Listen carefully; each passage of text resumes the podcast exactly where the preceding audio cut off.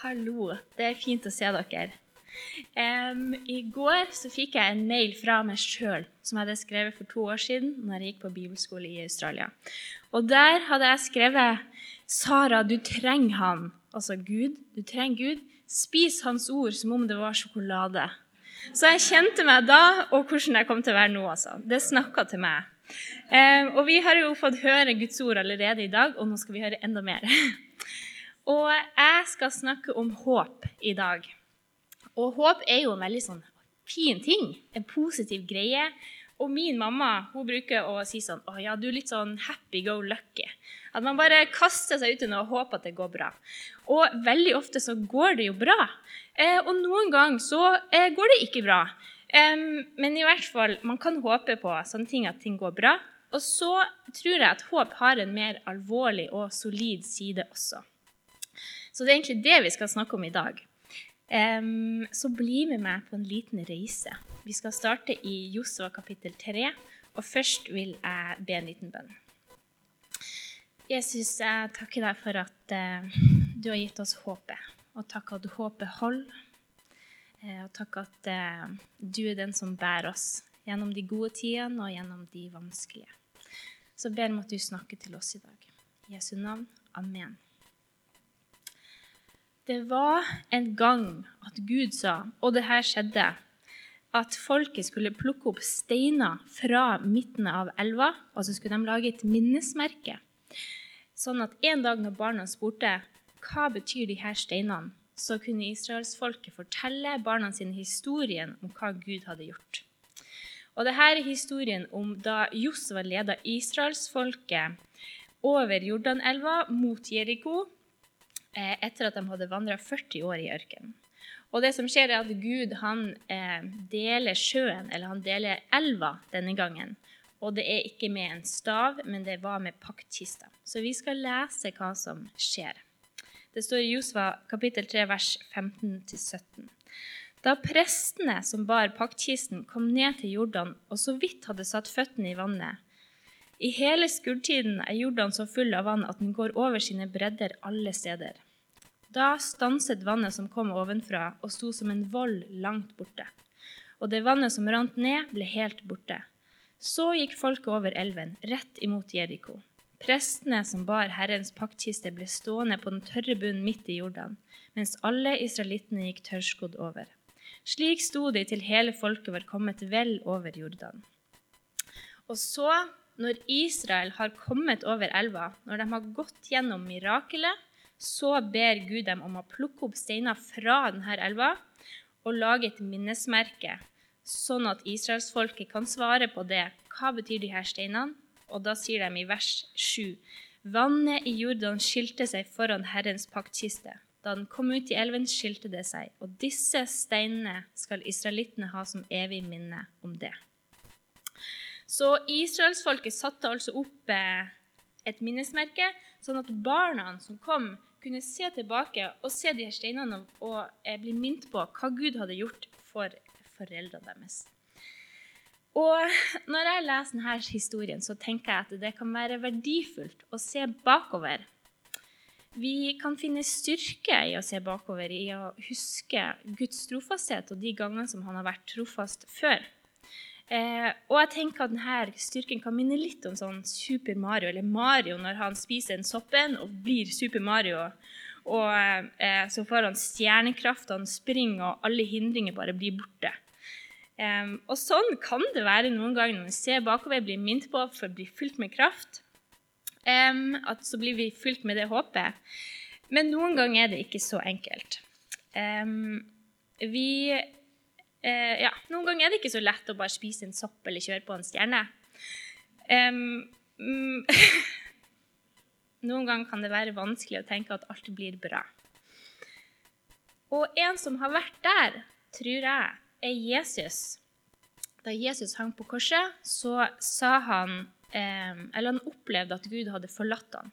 Og dere kjenner sikkert igjen det han sa når han sa, 'Min Gud, min Gud, hvorfor har du forlatt meg?' I Jesus sitt mørkeste øyeblikk og vanskeligste og i det mest smertefulle han noensinne måtte oppleve, så siterte han en gammel salme som David skrev flere hundre år før Jesus kom på jorda. Um, og det er noen som tror at Jesus siterte hele den salmen når han hang der. Men ja, det vet vi jo ikke. Men vi kan jo tenke oss til at han hadde den salmen i tankene. Og um, vi skal se litt nærmere på denne salmen, for kanskje har den noe å fortelle oss i dag.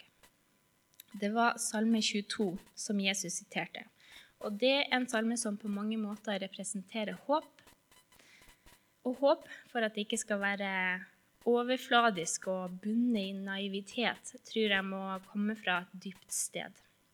Så salmen er altså både håpefull og alvorlig. Og før jeg begynner å lese, så kan jeg si at det er den mest siterte salmen i Nytestamentet. Og dere har helt sikkert hørt noen av delene før, hvis ikke dere har kanskje lest den mange ganger. Så jeg skal begynne med å lese de første versene. Min Gud, min Gud, hvorfor har du forlatt meg? Hvorfor er du så langt borte fra meg? Hvorfor hjelper du ikke når jeg klager min nød? Jeg roper om dagen, Gud, du svarer ikke, og om natten, men jeg får ikke ro. Men du er hellig, du som troner over Israels lovsanger. Til deg satte fedrene sin lit. De stolte på deg, og du fridde dem ut. De ropte til deg og ble berget. De stolte på deg og ble ikke skuffet. Og den første tingen jeg tror vi kan lære, er at Eller fra David som så bakover. Sånn som israelsfolket som bygde minnesmerkene så huska David historien fra når Gud hadde vært trofast mot forfedrene hans. Eh, og vi kan jo høre at David her gjør sitt beste for å oppmuntre seg sjøl. Eh, han minner seg sjøl på hvem Gud er, og husker det som Gud har gjort før. Og jeg tror som sagt det kan være kraft i det å se bakover. Så for eksempel da, når jeg går på livets vei, så går det litt sånn opp og ned. Vi går, ja, Ting er fint, og så er ting litt kjip, og så går det bra igjen. Men jeg tror, eller hver gang jeg snur meg, så kan jeg se at Gud har vært trofast helt hit. Hvorfor skal han slutte med det nå? Så for eksempel da, jeg snur meg, ser bakover, ser noen steiner og så tenker åh, hva betyr de her steinene? Og jo, det var den gangen da jeg flytta til en ny by, kjente ingen, følte meg ensom og hva er egentlig meninga med livet. Men så, å ja, de steinene der betyr at Gud møtte meg der. Han ga meg gode venner. Han viste meg at han ville at jeg skulle være akkurat her, og det var en mening med at jeg var på dette stedet. Og lenger bak kanskje er det enda flere steiner. Hva betyr de her? Eh, og nå har ikke jeg flere eksempler, men dere har sikkert ting som dere har opplevd.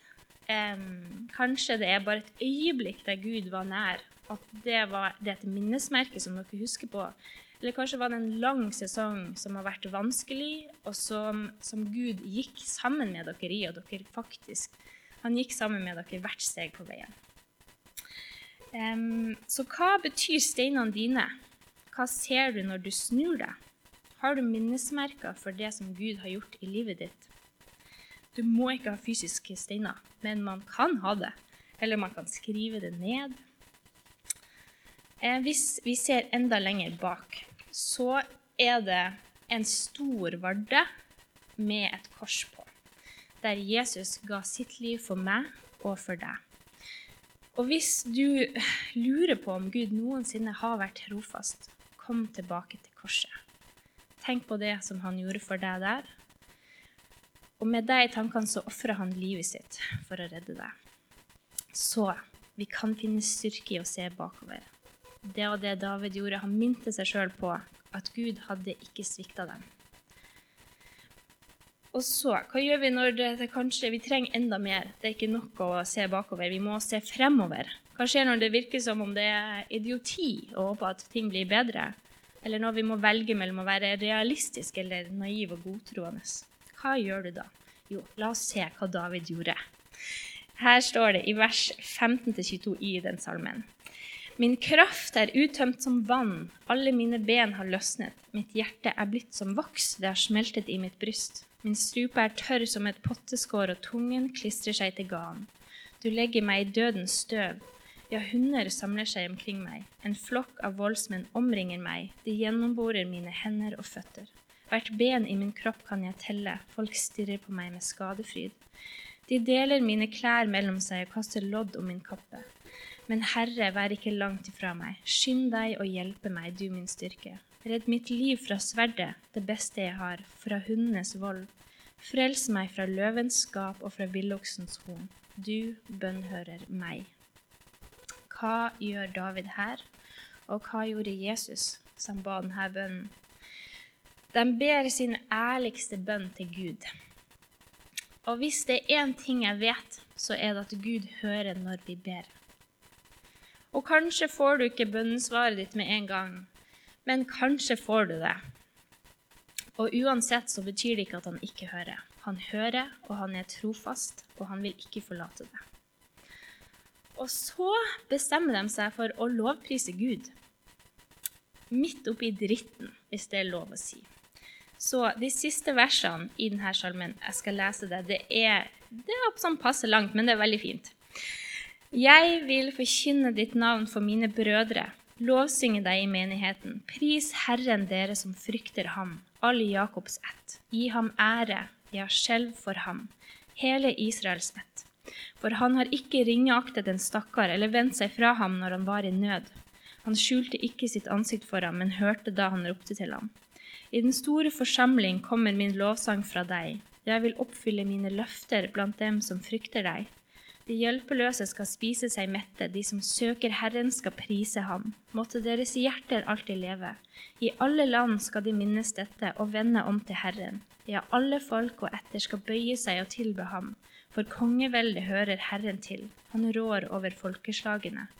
Ja, alle de mektige på jorden skal bøye seg og tilbe ham. Alle de som for ned i støvet, skal bøye kne for ham.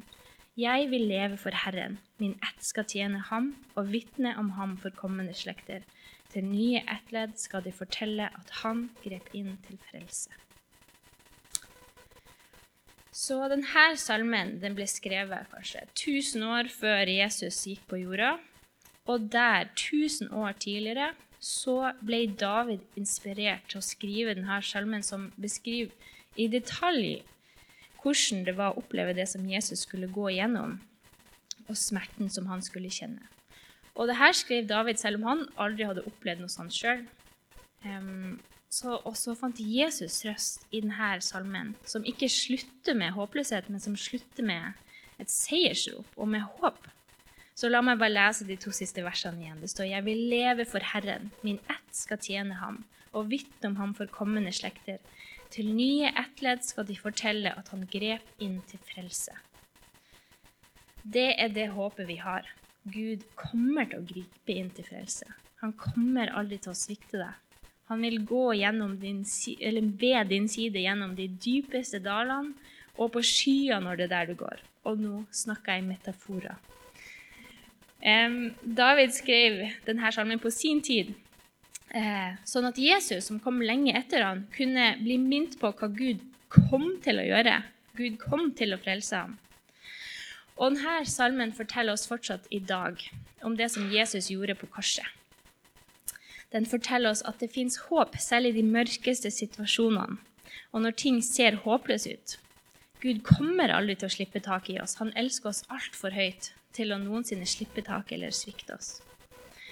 Salmen viser oss at når vi er, opplever at Gud er langt vekk, når vi føler oss omringet av ondskap, så, eller at det ikke er noen vei ut, så er det fortsatt håp. Gud har fortsatt noe han skulle ha sagt. Og håp er ikke bare en følelse. Jeg vil påstå at håp er en superkraft. Det er en motstandsdyktighet det er en kraft som ikke baseres på hvor sterk vi føler oss. Det er Guds kraft. Håp er ikke en svakhet, det er en styrke.